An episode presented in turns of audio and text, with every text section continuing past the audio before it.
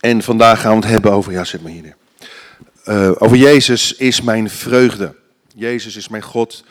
Jezus is mijn vreugde. Volgende week zal dokter Gabriel Antonio gaan spreken over Jezus is mijn vrede. En we sluiten af met een doopdienst dit jaar. En dan gaat het over Jezus is mijn vriend. Jezus is mijn vreugde. Maar allereerst, voordat ik verder ga, is het niet genieten hoe alles hier mooi is aangekleed. Zullen de mensen die dat gedaan hebben even applausje geven? Ja, het is allemaal niet vanzelfsprekend, dat zal ik u zeggen. En het is uh, bijzonder om uh, toch te zien hoe mensen het voor elkaar krijgen, weer zo mooi en netjes hier te maken. En we komen op die manier weer helemaal in de kerststemming natuurlijk. En we zingen ook over een paar weken wereldwijd uit volle borst. Joy to the world. The Lord is come. Let earth receive her king. Let every heart prepare him room. And heaven and nature sing. Joy to the earth. Vreugde. Vreugde.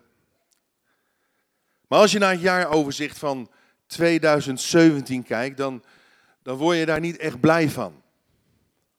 De samenleving wordt steeds harder. Mensen worden minder empathisch blijkt. En, en vaak ook agressiever. De ene natuurramp naar de andere. De ene aanslag naar de andere. We lezen over misbruik, over ontvoeringen. We lezen of we zien, we horen berichten over nucleaire spanningen. Politieke spanningen in het Midden-Oosten. En uh, ik kwam uh, een fotootje tegen deze week op Facebook die ik even u niet wil laten ontgaan.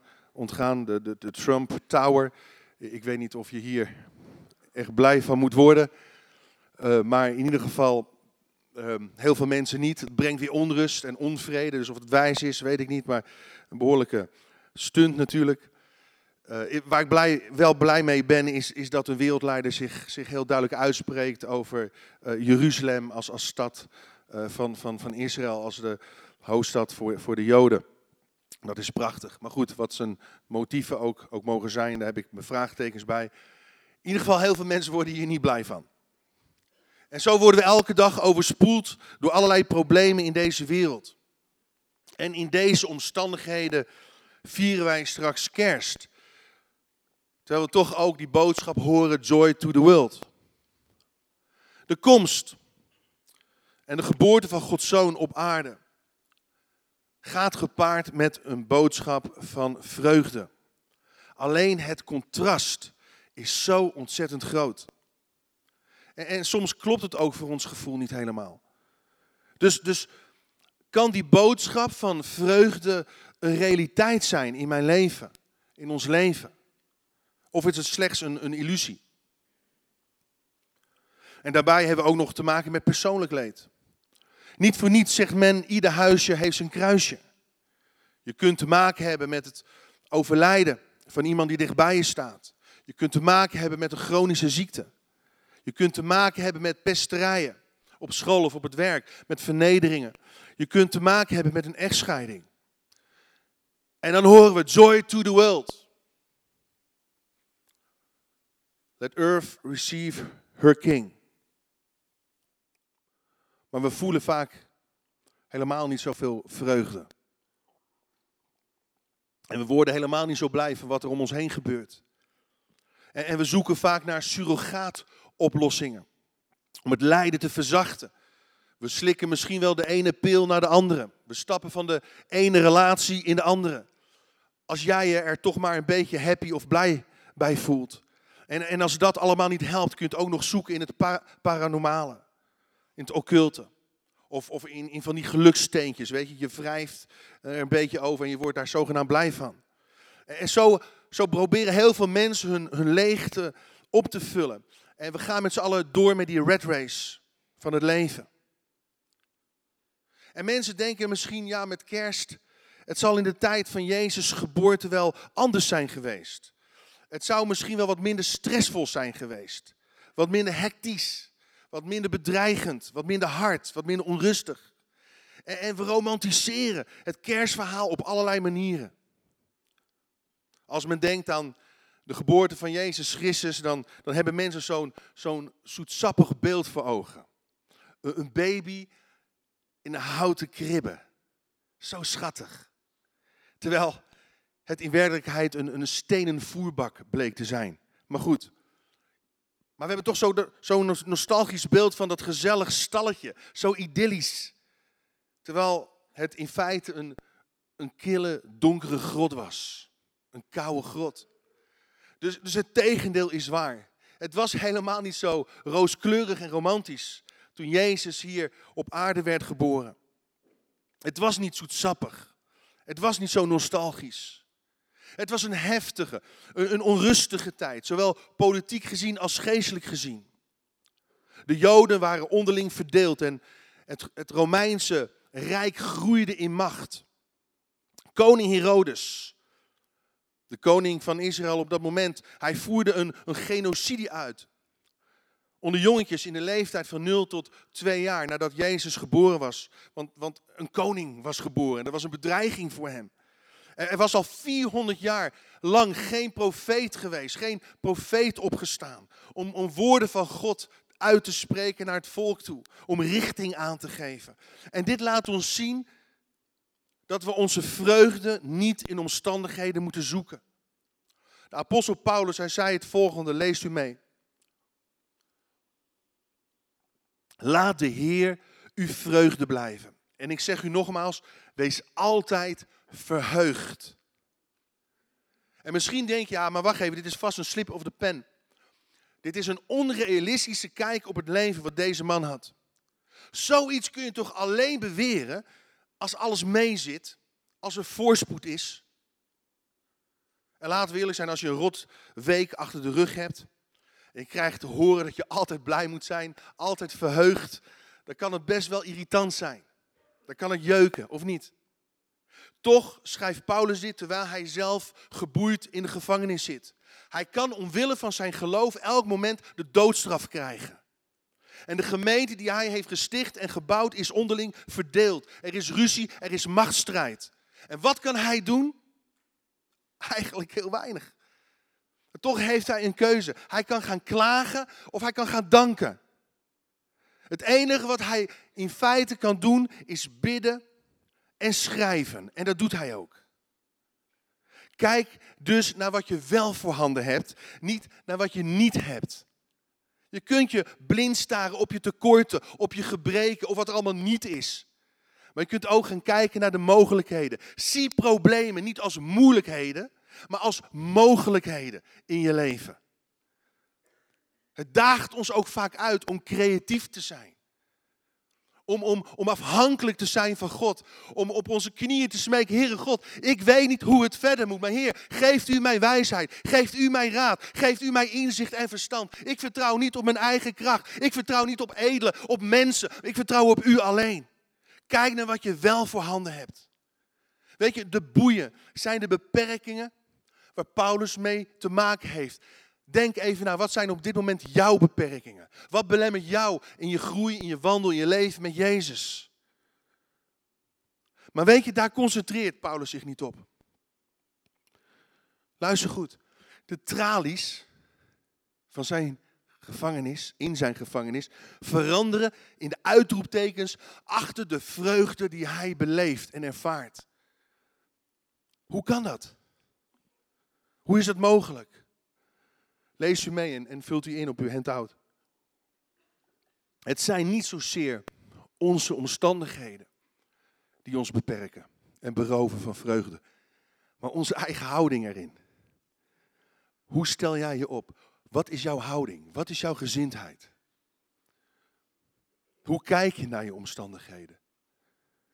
Het zijn niet zozeer onze omstandigheden, waar we ons vaak op focussen, die ons beperken, maar onze houding. Weet je, de omstandigheden zijn altijd grillig en niet te voorspellen. We willen vaak garanties, we willen vaak zekerheid, maar dat hebben we niet in het leven. Vandaag ben je een topper, morgen ben je een loser. Wanneer heb je het eigenlijk helemaal gemaakt in het leven? Wat is in principe de maatstaf van succes? Is dat de saldo op je bankrekening? Is dat de maatstaf om je happy te voelen? Is dat misschien een erkenning van je talent, van je gave? Of je uiterlijk? Je imago? Weet je, als blijdschap daarvan afhankelijk is, dan ben je in feite een slaaf van de omstandigheden. Want wat als dat soort zaken wegvallen in je leven? Dan ben je een emotionele jojo. Heen en weer geslingerd. De vraag is natuurlijk, hoe ervaar ik onuitsprekelijke hemelse vreugde? Dat geeft al aan dat de vreugde waar de Bijbel over spreekt, meer dan 60 keer wordt het woordje vreugde gebruikt in Nieuwe Testament. Maar dat geeft al aan dat het een goddelijke kwaliteit heeft. Van goddelijke aard is. En allereerst, wat, wat zou je moeten doen om die onuitsprekelijke hemelse vreugde te ervaren? Vult u in, ik neem allereerst de goede boodschap van redding aan. We moeten altijd weer terug, of, of we nu niet geloven of we al heel lang geloven, ga terug naar die boodschap van redding. Oh, David, hij, hij het uit nadat hij gezondigd heeft. Hij zegt, hergeef mij de blijdschap over uw redding, over uw heil. De redding die God ons heeft gegeven. Dat veroorzaakt die innerlijke bovennatuurlijke vreugde in ons leven. Die niet afhankelijk is van omstandigheden. Zodat we geen yo-yo in het leven hoeven te zijn. Maar een stabiele factor in onze relaties, in onze gezinnen, in onze gemeente. Heel kort, denk even na. Lees u mee. Waar zoek jij de meeste vreugde in? Waar zoek jij de meeste vreugde in? Paulus zegt, laat de Heer uw vreugde blijven. Laat de Heer uw vreugde blijven. Dat, dat wil eigenlijk twee dingen zeggen. De vreugde is een keuze en de vreugde is een relatie. De vreugde is een keuze en de vreugde is een relatie, oftewel een persoon. Laat de Heer. Jezus is vreugde. Het geheim bestaat niet in een formule of in een bepaalde methode. Dus hoe word jij een blijer mens, om zo maar te zeggen? Een vreugdevoller mens. De grote handvraag is, waar leg jij de focus op? Weet je, we hebben de neiging om de focus heel snel te leggen op wat verkeerd is, op wat misschien niet deugt, op, op wat niet goed is in onze ogen, op het negatieve. Maar in het kerstverhaal zien we hoe onvolmaakte mensen in een onvolmaakte wereld echte, diepe vreugde gaan ervaren. Zoals de herders in het veld. Zo lezen we in Lucas, hoofdstuk 2, vers 10. Maar de engel zei, schrik niet, wees niet bang. Want ik heb een goede boodschap voor u. Een grote vreugde voor het hele volk. Een grote vreugde voor het hele volk. Vandaag is in de stad van David uw redder geboren. Hij is de Messias. Hij is de Heer. Hij is de beloofde knecht van God. Hij is degene die komen zou. Om ons te redden. Weet je, goed nieuws bracht licht en vreugde in de donkere, stille nacht van de herders. En ja, het was nacht. Maar in de sleur van hun dagelijks werk bracht God vreugde. En weet je, de omstandigheden van de herders zagen er helemaal niet rooskleurig uit. Herders, dat weten we, in die tijd werden beschouwd als de lagere klasse van de bevolking. Ze werden gemeden. Hun bestaan was hard en ruw. Een herder zijn was geen leuk baantje. Het was s'nachts vaak koud en gevaarlijk. En zodoende kom ik tot de volgende beschrijving van vreugde. Vreugde, lees u mee en vult u in, is een conditie van de ziel. En niet zozeer een reactie op de omstandigheden. Het is een conditie van de ziel. Ik heb ontdekt dat de rabbijnse literatuur behoorlijk negatief is over herders. Een rabbi in die tijd schreef eens dit: Niets is zo verachtelijk als het werk van een herder. Niets is zo verachtelijk. En toch koos God ervoor om zijn engelen te sturen met een boodschap van vreugde, juist tot herders. Mensen die veracht werden, mensen die gemeden werden. En weet je, ze hadden alle reden hoor, om, om die boodschap alsnog te verwerpen en niet aan te nemen. Maar ondanks de barre omstandigheden namen ze die boodschap aan. En we lezen Lucas 2, vers 15. Toen de engelen weer van hen weg waren gegaan naar de hemel, zeiden de herders tegen elkaar: Kom, we gaan naar Bethlehem om te zien wat er gebeurd is en, en ons door de Heer bekend is gemaakt. En haastig gingen ze erheen en vonden Maria en Jozef en het kind dat in de voerbak lag. Kom, we gaan naar Bethlehem. Weet je, het woord evangelie betekent goed nieuws. Dat brengt vreugde. Want het is persoonlijk en het is universeel. Maar ze namen het aan. Het is een keuze ook om dat aan te nemen. Het is een keuze om God te aanbidden. Het is een keuze om in relatie te treden met vreugde, met Jezus zelf. Laat de Heer uw vreugde blijven. Maar laten we eerlijk zijn, we nemen, we nemen niet snel iets aan als Nederlanders, of wel?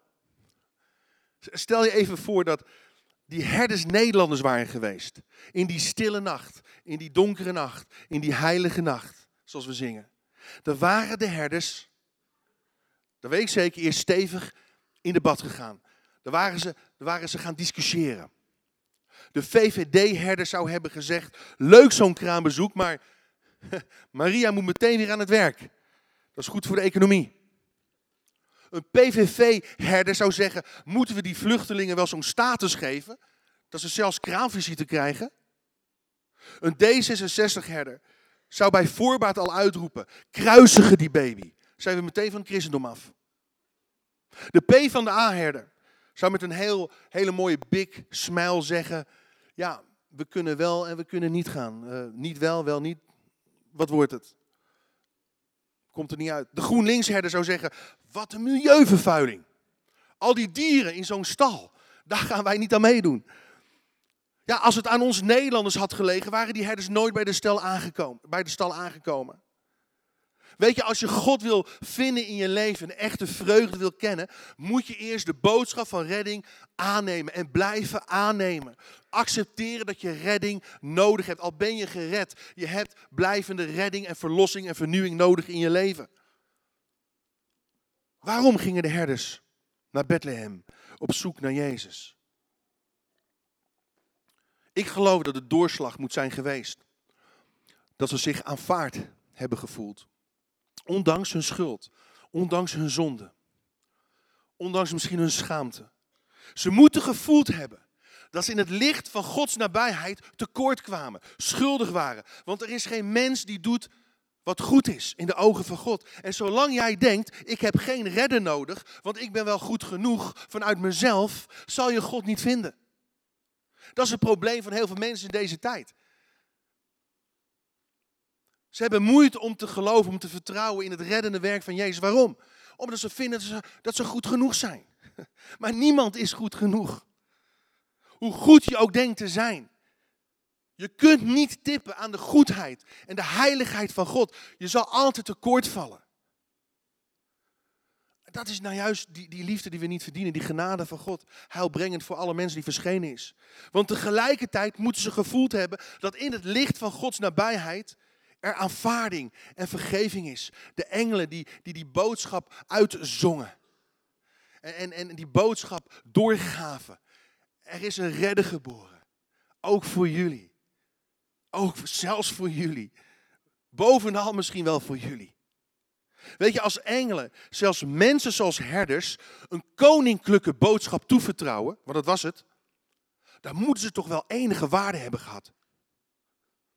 Ja, en God, hij vulde die nacht met een koor, bracht geestelijke vreugde in het leven van outcasts en Antatsebos. Weet je, als er iets is wat ons kan doen beseffen hoeveel God van ons houdt,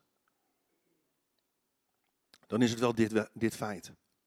God deed iets wat niemand ooit had durven dromen. Hij werd vlees en bloed en woonde onder ons. Hij legde zijn hand op de schouder van de mensheid en zei: Jij bent speciaal. jij bent waardevol genoeg voor mij om voor jou te gaan sterven, om jouw plaatsen in te gaan nemen. Hergeef mij die blijdschap over uw redding, Heer. Hergeef mij die blijdschap over uw redding. Bedenk, bedenk toen, toen je die eerste liefde ontdekte. Bedenk toch hoe het was toen je, toen je God ervoer in je leven. Toen Gods kracht in je leven alles anders maakte, alles nieuw maakte. En dan ten tweede, ik hou het einddoel van mijn geloof voor ogen. Ik hou het einddoel van mijn geloof voor ogen. De vraag is ook, wat is voor jou het einde of het einddoel van je leven? Wat is het einddoel? Waar leef je uiteindelijk voor? Waar ga je uiteindelijk voor? Waar streef je eigenlijk naar?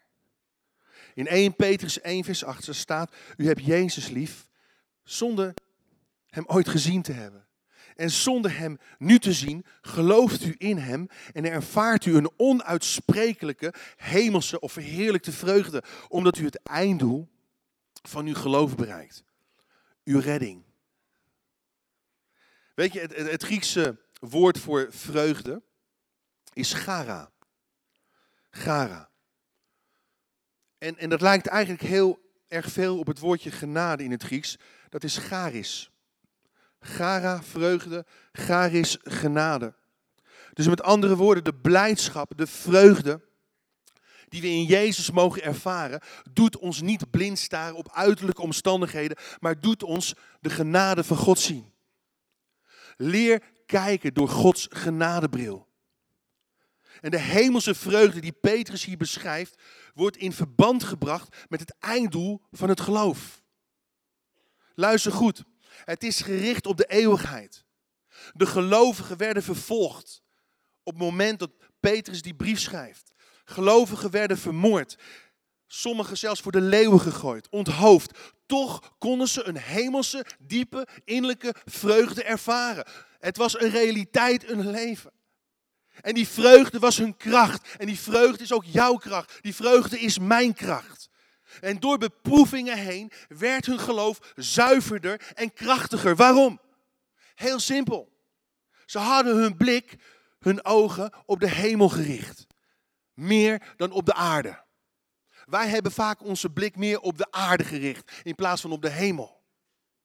En veel mensen in deze tijd zijn meer gericht op het hier en nu dan op de eeuwigheid. En ook christenen. En mensen ontwikkelen een klagende, mopperende houding. En, en, Paulus zegt ook in diezelfde brief, als hij zegt, laat de Heer uw vreugde blijven. Oh, doe alles zonder mopperen, zonder klagen. Maar wees als onbesproken kinderen van God. Als lichtende sterren in het universum. Laat je licht schijnen. Laat je vriendelijkheid bekend zijn bij alle mensen. C.S. Lewis heeft eens dit gezegd. De meest effectieve christenen in deze wereld zijn degenen die zich bewust zijn van een andere wereld. Van de hemel. Van de eeuwigheid. Weet je, dan ben je niet meer gefocust op je beproevingen. Dan ben je niet alleen maar, alleen maar bezig met je beperkingen, met wat je niet hebt. Ga je kijken door Gods genadebril. Weet je, beproevingen worden groeikansen. En beperkingen worden gerelativeerd. We kennen allemaal wel die, uh, die man zonder armen en benen, Nick, Nick. Ik weet niet precies hoe je dat uitspreekt. Een Tsjechische naam geloof ik, Vujicic. Maar dat is een, een evangelist vol beperkingen, in ieder geval lichamelijk gezien. Volgens Vrij Nederland is hij een goeroe zonder ledematen. En hij brak door op YouTube. En, en hij brengt nu wereldwijd massa's mensen bijeen als motivatiespreker. En in zijn leven, of in zijn boek Leven zonder beperkingen, brengt hij een hele eenvoudige boodschap van hoop. Hij legt daarin uit dat de beperkingen die wij hebben relatief zijn. En ik geloof dat, dat hij als geen ander recht van spreken heeft. Als hij ons uitdaagt, dat we ons niet moeten laten indammen en beperken door onze lichamelijke, psychische of mentale beperkingen. Hij zegt ook dat een angstige levensinstelling ons ervan weerhoudt om onze talenten in te zetten voor het koninkrijk van God. Om een risico te nemen, om in geloof uit te stappen. Het berooft ons van onze blijdschap, van onze vreugde. En hoewel misschien het beeldmateriaal niet heel scherp is, wil ik toch dat we even kijken en luisteren naar zijn inspirerende boodschap voordat we verder gaan.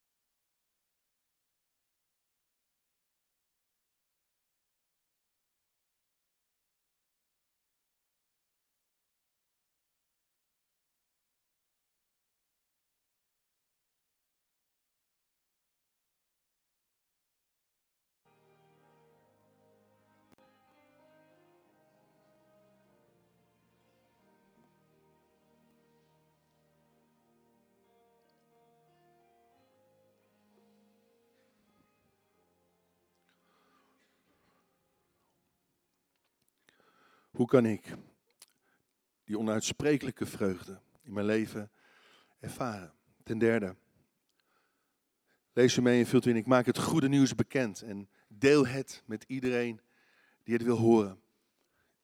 Ik heb bewust neergezet met iedereen die, die het wil horen. Als mensen het niet willen horen, moet je niet aandringen, niet pushen, niet, niet gaan manipuleren, niet gaan drammen.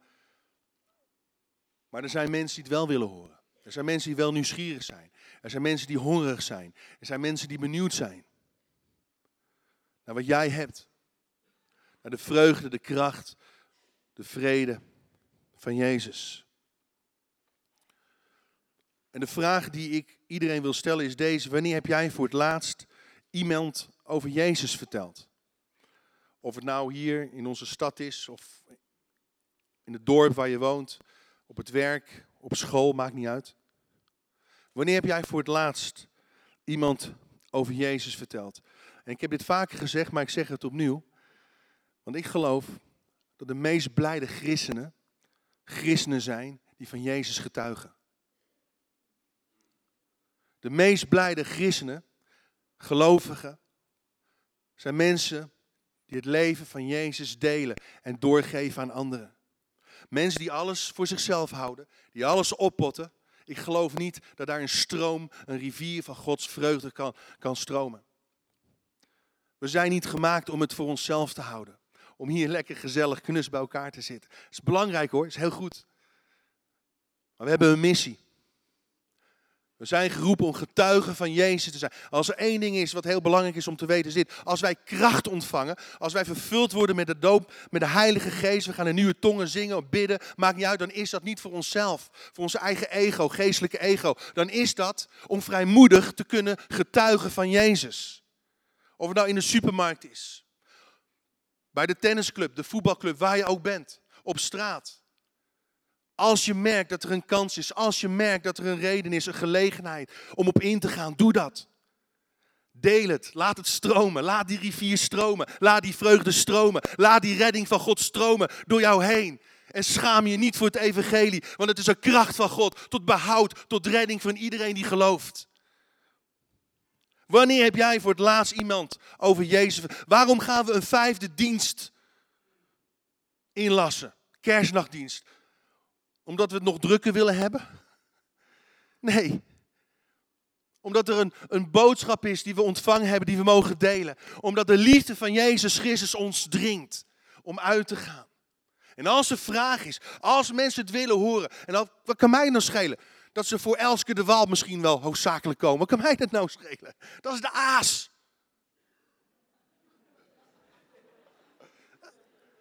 Lekkere aas. Ja, dan moet ik oppassen wat ik ga zeggen, maar... Zo wat? Ik ga ze het evangelie vertellen. Ik ga ze het evangelie... Ze weten, ze komen in een kerk. Er worden kerstliederen gezongen. Er komt een boodschap. Daar draaien we niet omheen. Maar we gaan het leven van Jezus delen. Weet je, vreugde kan niet in een fles opgesloten blijven zitten. Vreugde zoekt altijd een uitlaatklep. Als je vreugde opsluit of afdekt, dan wordt het zuur. Vertel dus aan, aan anderen wat God doet in je leven. Toen de herders het kind Jezus zagen, was hun directe reactie het vertellen aan anderen.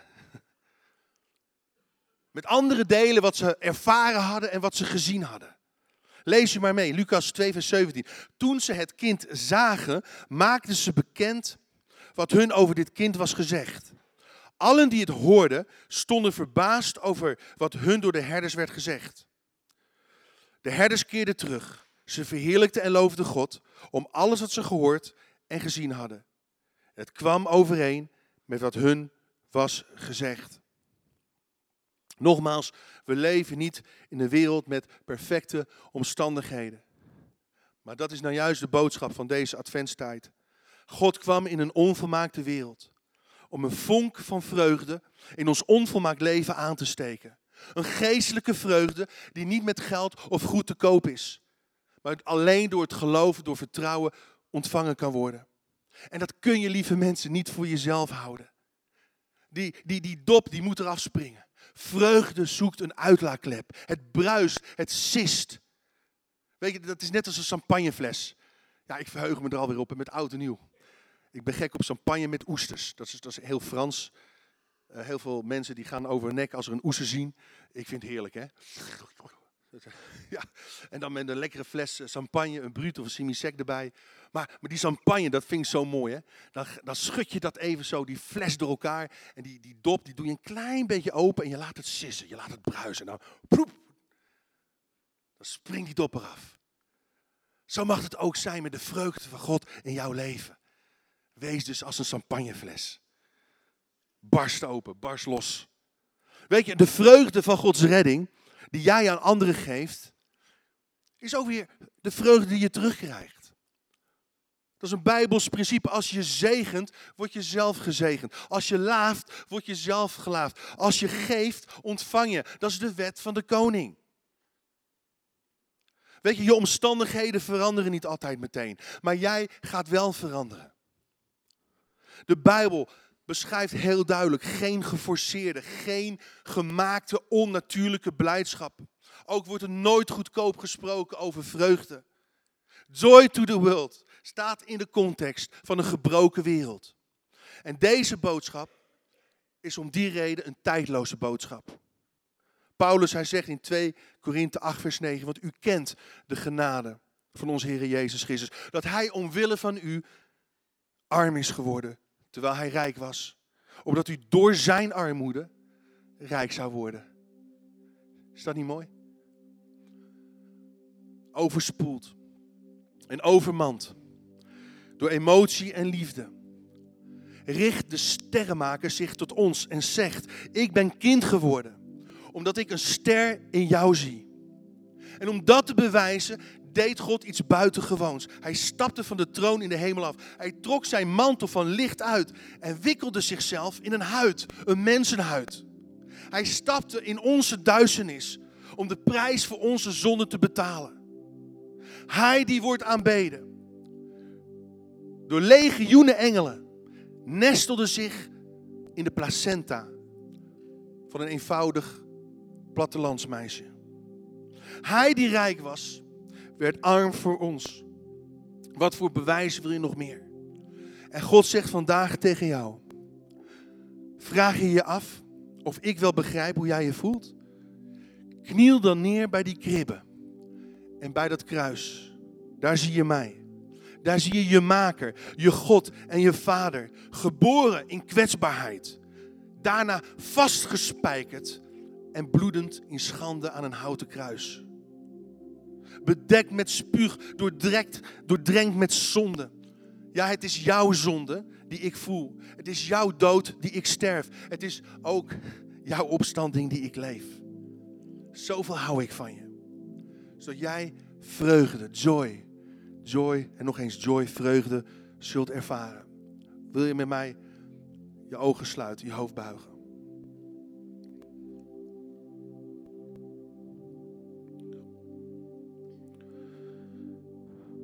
Heer Jezus, ik wil u danken, Heer. Dat u zo kwetsbaar bent geworden voor ons. Dat u zich vernederde, Heer. Door in een menselijke gedaante te verschijnen. En ik dank u, Heere God, voor de opstanding. Ik dank u, Heer, dat u de naam boven alle naam hebt ontvangen. Omdat u zonder zonde was, zonder schuld. En onze schuld gedragen heeft. En Heer, het is ook een keuze en een relatie om die vreugde innerlijk als een realiteit te ervaren. En ik bid als hier mensen zijn die dat nog niet hebben die die boodschap van redding nog niet ontvangen of aangenomen hebben, om hun de kans te geven dat te doen. Heer, dank u wel dat u ze wil vullen met, met hemelse, met onuitsprekelijke vreugde. Heel eenvoudig vragen, als, als hier mensen zijn op dit moment die zeggen, ik heb, ik heb die vreugde nodig. Ik wil in contact komen met Jezus, de sterrenmaker. Het woord door wie alle dingen geschapen zijn. Steek dan heel, heel kort je hand omhoog, zodat ik voor je kan bidden. Ik kan bidden dat het leven van Jezus in je mag komen. Ja, dank je wel daar. Er zijn nog meer mensen. Steek maar je hand omhoog. Zijn er nog meer mensen? Ja, daar achteraan. Dankjewel. Dankjewel. Zijn er nog meer mensen? Ook daar achteraan. Dankjewel. Zijn er nog meer mensen? Het is zo eenvoudig. Je mag de boodschap van redding aannemen. Ontvangen. Door gewoon te zeggen, Heere God, kom in mijn hart, kom in mijn leven. Ik neem het aan. Ik aanvaard uw liefde, ik aanvaard uw redding. Ik heb redding nodig. Ik heb redding nodig. Steek maar je hand omhoog. Zijn er nog meer mensen? Heer Jezus, ik wil u danken, Heer, voor die vijf, zes mensen die hun hand hebben opgestoken. Ik wil u danken, Heer, dat u ze op dit moment vult met uw liefde. Dat u hun leven vernieuwt, Heere God. Heer, dat u ze vult met uw kracht. Uw reddende kracht. Die blij maakt. Die vreugdevol maakt. Ondanks de omstandigheden waarin we mogen verkeren. Heer, dank u wel, Heer, dat u ons uit het slijk trekt. Dat u ons op een hoger plan brengt. En ik bid dat ze een nieuwe schepping in Christus mogen zijn en blijven. In de machtige naam van Jezus. Ik wil ook bidden voor mensen die misschien die vreugde zijn kwijtgeraakt. Misschien wel die eerste liefde, die passie voor Jezus zijn kwijtgeraakt. God wil je herstellen. God wil die geestelijke gaven opnieuw aanwakkeren in je hart. Steek je hand omhoog, zodat ik ook voor jou kan bidden. Als je zegt, ja, ik wil me opnieuw toewijden. Ik wil opnieuw terug naar die eerste liefde. Steek maar je hand omhoog. Dankjewel. Er zijn nog meer mensen. Voel je vrij. Dankjewel, daarachterin. Dankjewel. Zijn er nog meer mensen? Dankjewel. Ik wil die eerste liefde van Jezus weer ervaren. Ik wil weer terug naar de bron.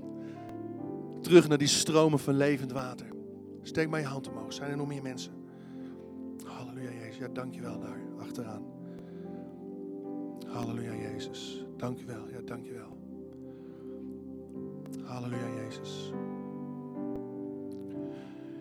Ja, Heere Jezus, dank u wel. Heer, dat we ons keer op keer mogen keren tot u, mogen bekeren. Afkeren van dingen die niet goed zijn. En, en ons keren tot dingen die u voor ons hebt voorbereid.